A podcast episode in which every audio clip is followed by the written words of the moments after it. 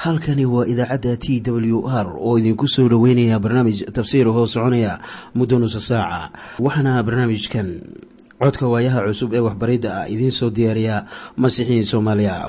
Sareyow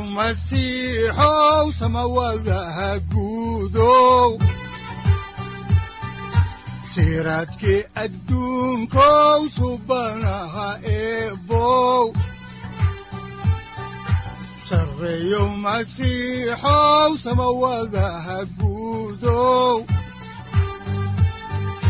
siraadkii adduunkow subanaha eebow adigoo samada jiro ifkaan soo saldhiganba adigoo samada jiro ifkaan soo saldhiganba kutubtiisanaye udanogu saaciiday sharxin sifahaaga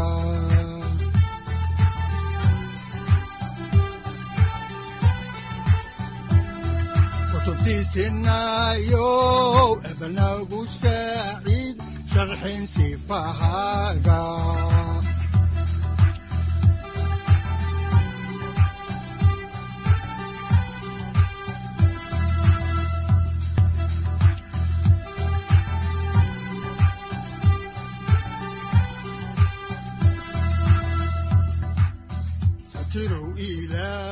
ku soo dhowaada dhegaystayaal barnaamijkeenna dhammaantiinba. Waxaannu horay u sii ambaqaadi doonnaa daraasaadkii la magac baxay baibalka dhammaantii. Waxaannu caawa idiin sii wadi doonnaa injiilka sida yooxanaa uu u qoray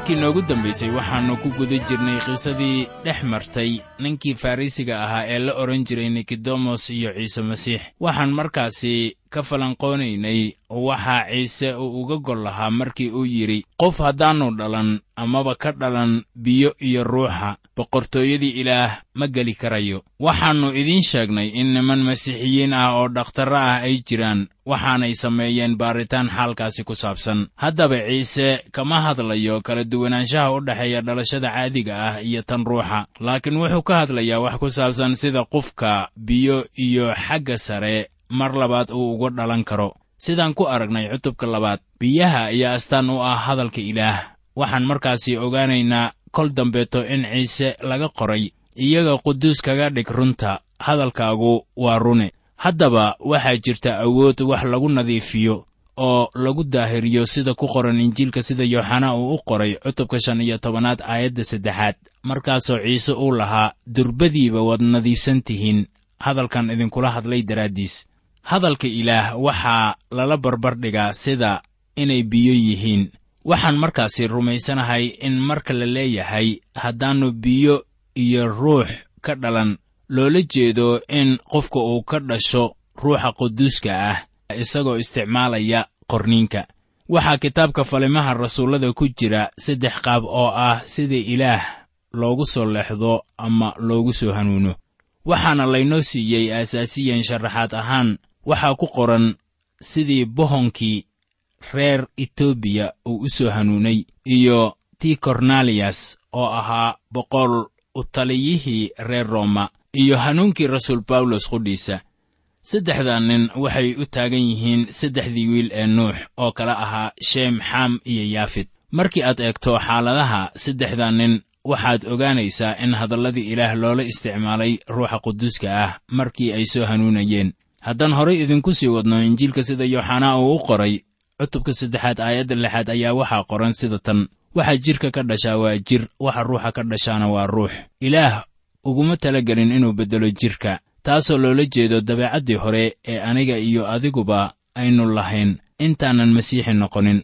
Gunta xaajada waxa weeye in dabeecaddii hore ama jidhka aan la beddeli karin. Hadalladii ilaahna wax badan bay taasi ka leeyihiin dabeecaddii hore ilaah bay la dagaalsan tahay waayo bawlos wuxuu leeyahay sida ku qoran warqaddiisii reer rooma cutubka siddeedaad aayadaha toddoba ilaa siddeed sida tan maxaa yeelay jidhka ka fikiraddiisu waa la col ilaah waayo ma hoos gasho sharciga ilaah mana hoosgeli karto. Kuwa jidhka ku dhex jiraana kama farxin karaan ilaah. Ilaah wax barnaamij ah uma hayo dabeecaddeenni hore. Hadday noqon lahayd in la bixiyo ama la horumariyo ama la cusboonaysiiyo ama la badbaadiyo. Dabeecaddii hore waa inay innaga qabriga inala gashaa laakiin haddii sayidku nolosheenna uu soo galo ka hor intaynaan qabri gelin waxay noqonaysaa in layna beddelo. Taasoo loola jeedo inaan ka takhallusayno ama ka takhallusno dabeecaddii hore. Dabeecaddaas hore ma ahan mid ilaah daacad u noqonaysa. Waxaa qoran wixii jidhka ka dhashaa waa jir taasuna waa mahmaah ilaahna dooni maayo inuu badbaadiyo jidhka marnaba. Dhalashada ruuxa waa wax loo baahan yahay si aniga iyo adiga aynu u lahaanno dabeecad cusub saaxiib haddaan horay idinku sii wadno injiilka oo aan eegno aayadaha toddoba ilaa siddeed waxaa qoran sida tan. Ha la yaabin haddaan ku leeyahay waa inaad mar kale dhalataa dabayshu way u dhacdaa meeshay doonto waadna maqashaa xiinkeeda laakiin ma ogid meeshay ka timaado iyo meeshay u kacdo. Waa sidaas oo kale qof kasta oo ruuxa ka dhasha. Haddaba ciise halkan wuxuu ku leeyahay dabayshu way u dhacdaa meeshay doonto waxaadna maqashaa xiinkeeda laakiin ma ogid meeshay ka timaado. Dabeesha waa shay bini'aadamku aannu garanaynin maamulkeeda. Dabeesha waxay u dhacdaa meeshay doonto. Ma jeedin karno mana beddeli karayno. Waxaa jiray iskuday la damcay in lagu xakamadeeyo dabaylaha xoogga leh ee ka dhaca gacanka meksiko iyo kan karibiyanka laakiin ilaa iyo hadda laguma guulaysan inkastoo aynaan garanaynin sida loo maamulo dabeesha ayaannu garanaynaa un halka ay u socoto. Saaxib garan maayo sida aan kuugu sharaxo dhalashada ruuxa. Waxaan garanayaa oo qura inay jiraan buugaag fara badan oo la qoray oo leh waynu garanaynaa dhalashada ruuxa. Laakiin waxaan fahamsanahay haddana in qoraayaashaasi midkoodna aannu waxba ka ogayn dhalashada ruuxa. Waxaa qoran dabayshu way u dhacdaa meeshay doonto. Waxaadna maqashaa xiinkeeda laakiin ma ogid meeshay ka timaado iyo meeshay u kacdo. Waa sidaas oo kale qofka ruuxa ka dhasha. Haddaba inkastoo aynaan garanaynin haddana dabeeshaasu waxay sharaxaad ka bixinaysaa waxa dhalashada ruuxa ay ka micno tahay. Markaan hubaal ahaan idinma sheegi karo sida ruuxa ilaah uu u shaqeeyo laakiin waxaa si hubaal ah aan idinku sheegi karaa in ilaah uu dhaqaajiyo nolosha iyo niyadaha dadkiisa. Taasina waa waxa sayidku halkan uu inoogu sheegayo markaana ninkan sayidkeenna hor taagan. Ma ahan isla farrisigii mana ahan taliyihii yuhuudda yuu yahay haatan. Bal aynu eegno aayaddan sagaalaad waxaana qoran sida tan. Nikodemos ayaa u jawaabay oo ku yidhi sidee baa waxyaalahaas u noqon karaan? Haddaba nikodemos wuxuu la yaaban yahay sida waxyaalahan ay ku noqon karaan oo sayidkeennu wuxuu doonayaa inuu ula hadlo si hufan oo aan leexleexad lahayn. Haddaba aniga iyo adiga waannu iska bixin karnaa indhashareerta qarsoodiga ah. Markaan ciise masiix u nimaadno waa inaan ku shaqaysanin labawejiilannimo waase inaad sida aad tahay ugu timaado wuxuuna kugu qaadanayaa sida aad tahay waana sidaas sida uu qof waliba ula macaamiloodo. Haddaan horay idinku sii wadno ayaannu eegaynaa aayadda tobanaad waxaana qoran sida tan. Markaasaa ciise uu u jawaabay uu ku yidhi ma waxaad tahay macallinka israa'iil oo aadan weliba waxyaalahaasna garanaynin. Wuxuu sayidkeennu ku leeyahay halkan waxaa tahay taliye reer banu israa'iil ah oo garanna maysid waxyaalahaasi aan kuu sheegayo. Waad ciyaaraysaa waayo haddii waxa aan kuu sheegayaa ay run yihiin bilxaqiiqa waad garan lahayd. Markaasaa ciise uu leeyahay miyaadan garanaynin waxyaalahan nikodemosow haddaan horay idinku sii ambaqaadno kitaabka oo aannu eegno injiilka yooxanaa sida uu u qoray cutubka saddexaad aayadaha kow iyo toban ilaa saddex iyo toban waxaa qoran sida tan. Runtii runtii waxaan ku leeyahay waxaannu naqaan ayaannu ka hadalnaa oo waxaannu aragnay ayaannu ka marag furnaa idinkuna maraggayaga ma aqbashaan. Haddaan wixii dunida idiin sheegay oo aad rumaysan weydeen sidee baad u rumaysanaysaan haddaan waxa jannada idiin sheego? Ninna jannada kor uma tegin kii jannada ka soo degay maahee waana wiilka aadanaha oo jannada jooga. Wuxuu nikodemas ku leeyahay haddaan wixii dunida idiin sheegay oo aad rumaysan weydeen sidee baad ku rumaysanaysaan haddaan waxa jannada idiin sheego? Waayo nikodemos weli ma aqbalin markhaati furkii la siiyey. Dabeetana sayidku wuxuu wax ka sheegayaa waxyaabo badan. Waxaanan soo qaadanayaa aayadda siddeed iyo labaatanaad ee cutubka lix iyo tobanaad oo leh aabbaha ayaan ka imid oo aan dunida imid. Haddana waan ka tegayaa dunida oo aabbahan u tegayaa haatanna wuxuu leeyahay ninna jannada kor uma tegin kii jannada ka soo degay maahee waana wiilka aadanaha oo jannada jooga waxaa haddaba taasu ay jawaab siinaysaa kuwa yidhaahda enok iyo eliyaas baa samada aaday markii ay ilaah raaceen.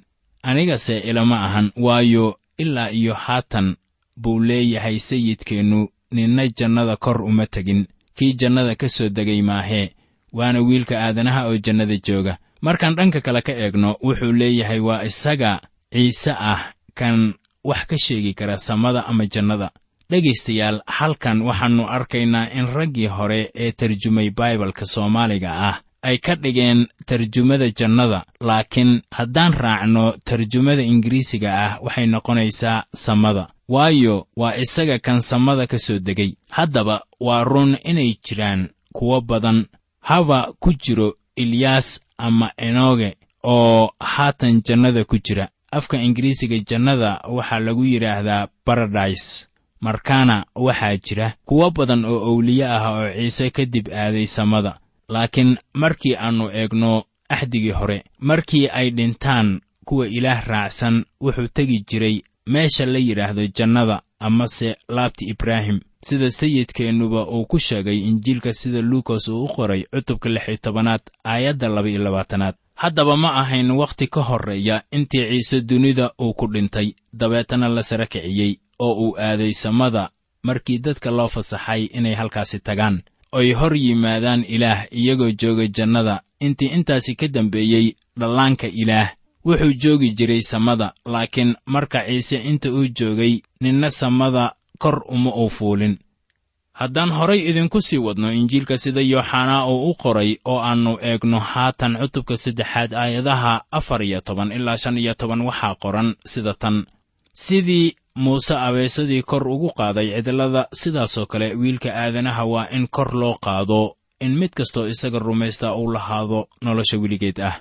Markii muuse tiir uu ka soo suray abeeso naxaas ka samaysan taasoo ahayd ciqaab ilaah uga timid reer banu israa'iil kadib markii ay ilaah ku xadgudbeen oo abeesooyin lagu salladay ayaa mid waliba oo fiiriya abeesada naxaasta ah oo laga soo lalmiyey tiirkan bogsan jiray islamarkaas markaasaa ciise leeyahay halkan sidii nebi muuse abeesadii kor uu ugu qaaday cidlada sidaasoo kale wiilka aadanaha waa in kor loo qaado haatan sayidkeennu wuxuu ku soo noqonayaa nikodemos oo wuxuu ku leeyahay sida ku qoran aayaddan lix iyo tobanaad ee caanka noqotay ee ku qoran injiilkan cutubkiisa saddexaad. Waxaana qoran sida tan ilaah intuu dunida jacayl u qabay ayuu siiyey wiilkiisa keliya oo dhashay in mid kastoo isaga rumaystaa uusan lumin laakiinse uu lahaado nolosha weligeed ah. Haddaba waxaa jira laba shay ee ay tahay inaan maanka ku haysanno mid waa in qofku mar kale dhasha tan kalena waa in wiilka aadanaha kor loo qaadaa labadan waxyaabood way isku xidhan yihiin ama xidhiir baa ka dhexeeya waxay taasu keenaysaa dhimashada masiixa iyo sarakicidda masiixa oo waa in kor loo qaado maadaama kor loo qaaday markii uu qaadayay ciqaabteenna. Ayaa ruuxa ilaah innagana ina cusboonaysiinayaa markaana waa inaan noqonnaa kuwa mar kale dhasha waana sida keliya ee ilaah uu inagu qaabilayo. Haddaba tan ina wacyigelinaysaa innaga waxa weeye in ilaah dunida aad uu jecel yahay laakiin ilaah dunida jacayl kuma badbaadin. Sida dad badan ay la tahay maanta. Aayaddu odhan mayso jacaylka ilaah baa dunida badbaadiyey waayo jacaylka ilaah ma badbaadinayo dembiile ilaah inaguma badbaadin jacayl saaxiibayaal ilaah wuxuu inagu badbaadiyey nimco. Waxaana taasi deliil u ah sida ku qoran efesos cutubka labaad aayadaha siddeed ilaa sagaal. Waxaana ay leeyihiin aayadahaasu. Waayo idinku waxaad ku badbaadeen nimco xagga rumaysadka ah mana ahan wax xaggiinna ka yimid laakiinse waa hadiyadda ilaah mana ahan xagga shuqullada si aan ninna ugu faanin. Haatan sidee buu ilaah wax u badbaadiyaa ilaah wuxuu wax ku badbaadiyaa nimco. Laakiin waxaa qoran ilaah intuu dunida jecel u qabay ayuu siiyey wiilkiisa keliya oo dhashay. In mid kastoo isaga rumaystaa uusan lumin laakiinse uu lahaado nolosha weligeed ah. Waxaad ogaataa in kelmadda rumaysta ay ka micno tahay rumaysadka masiixa. Waxaa taasi loola jeedaa inaan isaga ku kalsoonaanno inuu yahay kan qaaday ciqaabtii dembiyadeenna. Taasina waa howl shakhsiyadeed waana inaan rumaynaa inuu galay booskeenii iyo beddelkeennii. Saaxib waa inaad rumaysaa inuu kuu dhintay.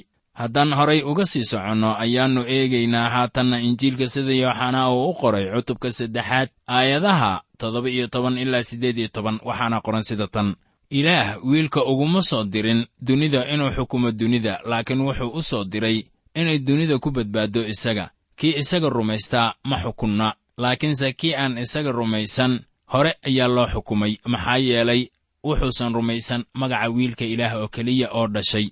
Waxaan horay u soo aragnay markii ciise u yimid dunida markii ugu horraysay ee la qodbay inaannu dunida u imaanin sida xaakin oo kale. Taana wuu u caddeeyey dadka doonayey inuu iyaga taliyo u noqdo. Mar nin ka tirsan dadkii badnaa uu ku yidhi macallimow aniga iyo walaalkay inoo garsoor wuxuuna ku yidhi sida ku qoran injiilka sida luukas uu u qoray cutubka laba-iyo tobanaad aayadda afar iyo tobanaad oo leh laakiin wuxuu ku yidhi ninkow yaa iga kiindhigay xukume ama qaybiye? Isagu uma imaanin sida xaakin markii hore ee uu yimid.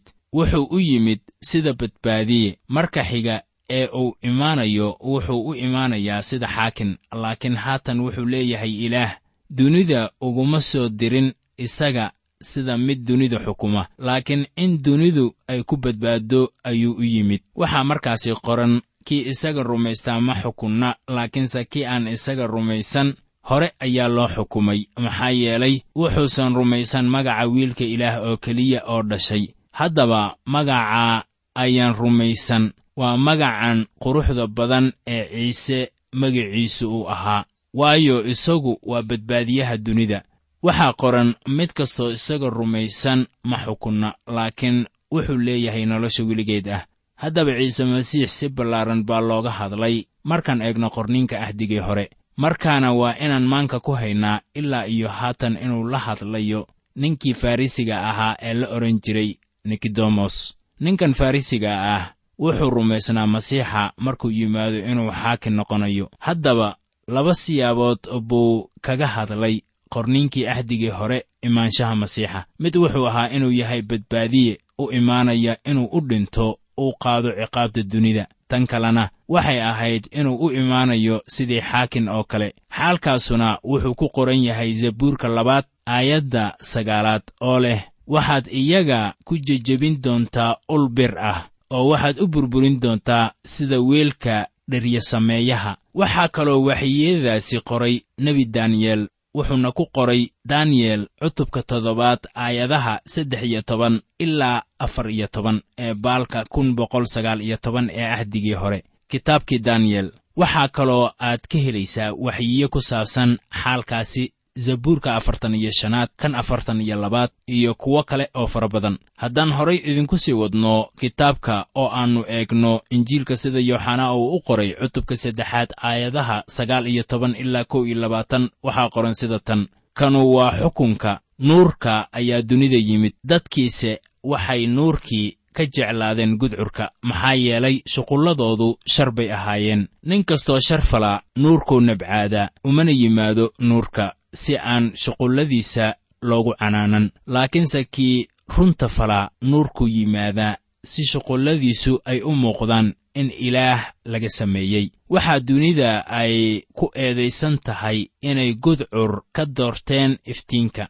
Maalintii ciise lagu qodbay iskutallaabta wixii ka dambeeyey dunida waxay ahayd inay go'aan gaarto. Waxaanay ahayd in ilaah uu xukumo. Xukunku wuxuu ahaa in nuurkii dunida yimid laakiin dadka falimahoodu ay ahaayeen shar oo ay jeclaysteen gudcurka. Haatanna waxaannu eegaynaa markhaati furkii uu bixiyey yooxanaa baabtiisaha si bal aynu xaalkaasi wax uga ogaanno ayaannu eegaynaa injiilka yooxanaa cutubka saddexaad aayadaha laba iyo labaatan ilaa afar iyo labaatan. Waxaana qoran sida tan waxaas dabadeed ciise iyo xertiisii waxay yimaadeen dalkii yuhuudiya oo meeshaas ayuu iyaga la joogay oo dad ku baabtiisay. Yooxanaa wuxuu dadka ku baabtiisay caynoon oo ku dhow saalim waayo meeshaasu waxay lahayd biyo badan. Iyaguna way yimaadeen waana la baabtiisay.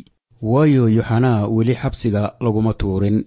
Ilaa iyo hadda ayuu yooxanaa wuxuu dadka ku wacdinayey boqortooyadii ilaah way dhowdahay haddaba yooxanaa baabtiisaha waxaa loo taxaabay xabsiga. Wax yar kadib markii sayidkeennu uu ka gudbay jarribaaddii shayddaanka taana waxaa inoo sheegaya injiilada kale. Haddaan horay idinku sii wadno kitaabka oo aannu eegno aayadaha shan iyo labaatan ilaa lix iyo labaatan ee cutubka saddexaad waxaa qoran sida tan. Sidaa aawadeed waxaa ka dhex kacay yooxanaa xertiisii iyo nin yuhuudi ahaa. Weyddiis oo daahirinta ku saabsan. Markaasay u yimaadeen yooxanaa oo ay ku yidhaahdeen macallimow kii kula jiray webi urdun shishadiisa oo aad marag u furtay ayaa dad baabtiisaya oo dadka oo dhan way u imaanayaan. Waxaad mooddaa in xertii yooxanaa ay ka maseersan yihiin ciise masiix oo waxaabay ka baqayaan inay yooxanaa lumiyaan. Laakiin yooxanaa wax masayr ah kama muuqdo haddaan horay idinku sii wadno injiilka oo aannu haatan eegno cutubka saddexaad aayadaha toddoba iyo labaatan ilaa soddon waxaa qoran sida tan. Yooxanaa waa u jawaabay oo uu ku yidhi ninna waxba ma heli karo haddaan jannada laga siin. Idinku qudhiinnu markhaatiyaal baa tihiin inaan idhi anigu ma ahi masiixa laakiin hortiisa ayaa lay soo diray. Kii aroosadda qabaa waa arooska laakiin saaxiibka arooska oo ag taagan oo maqla isaga aad buu ugu farxaa codkii arooska daraaddiis. Sidaa aawadeed farxaddayda waa dhan tahay isaguse waa inuu kordho aniguse waa inaan yaraado.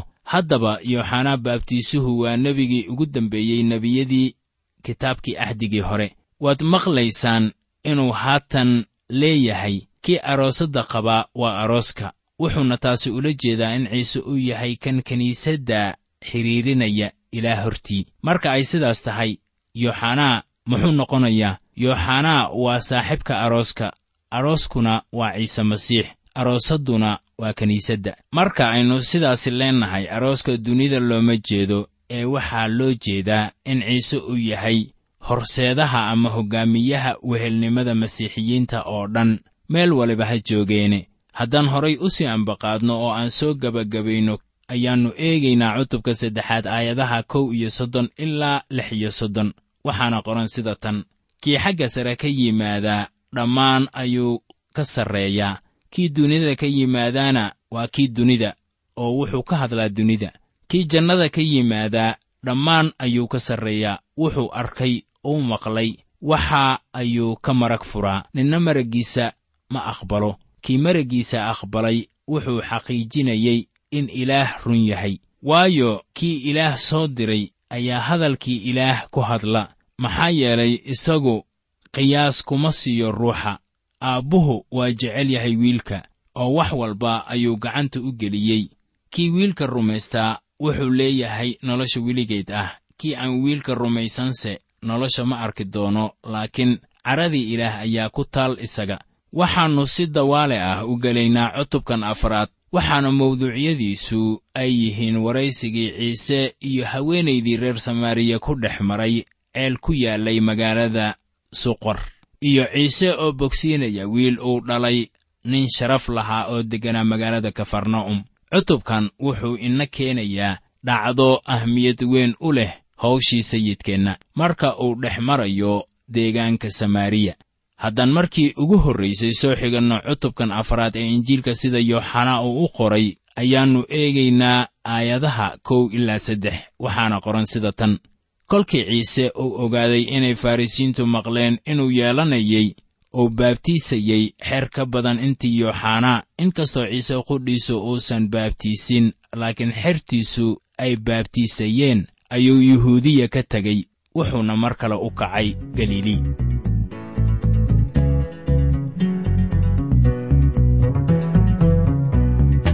maryanu bikraaba masiixii dhasho markaasaa la yaabo mucjisay ahayd iyadoo rag moogbay malaa'ig salaanto markaasay uroodo mucjisay ahayd maryanu bikraaba masiixii dhasho markaasaa la yaabo mucjisay ahayd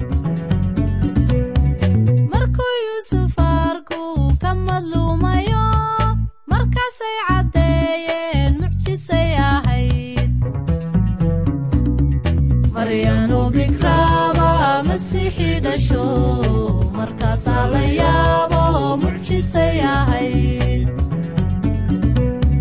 xidigtii masiixa maqawira keeno markaasay caddeeyeen mucjisay ahayd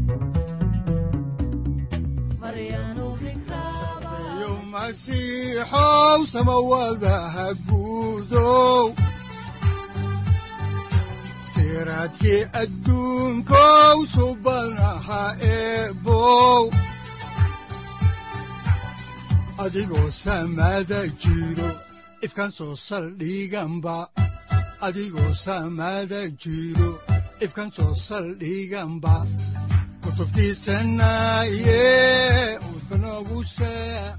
halkani waa t w r idaacadda t w r oo idinku leh ilaa ha idin barakeeyo oo ha idinku anfaco wixii aad caawi ka maqasheen barnaamijka.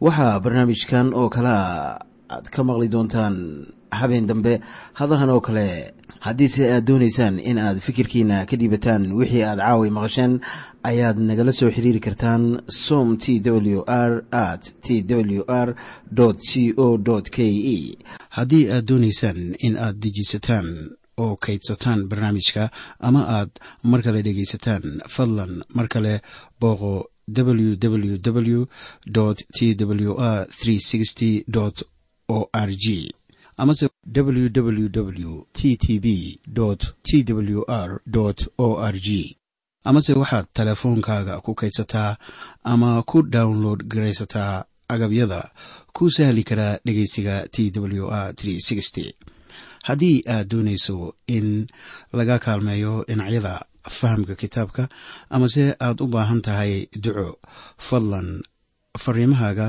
soo mari bogga aaraahda ama kommentska inana jawaab degdeg ah ayaanu ku soo diri doonaa amase ku siin doonaaye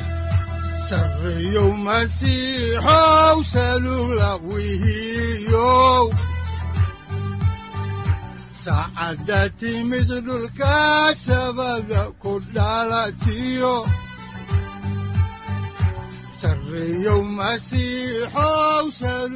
halkani waa t w r oo idiin rajaynaya habeen baraare iyo barwaaqaba leh inta aynu ka gaari doono wakhti aynu ku kulanno barnaamij la mida kan caawayay aad maqasheen waxa aan idinku leeyahay nabadda ciise masiix ha idinku badato xagga jidhka iyo ruuxaba aamiin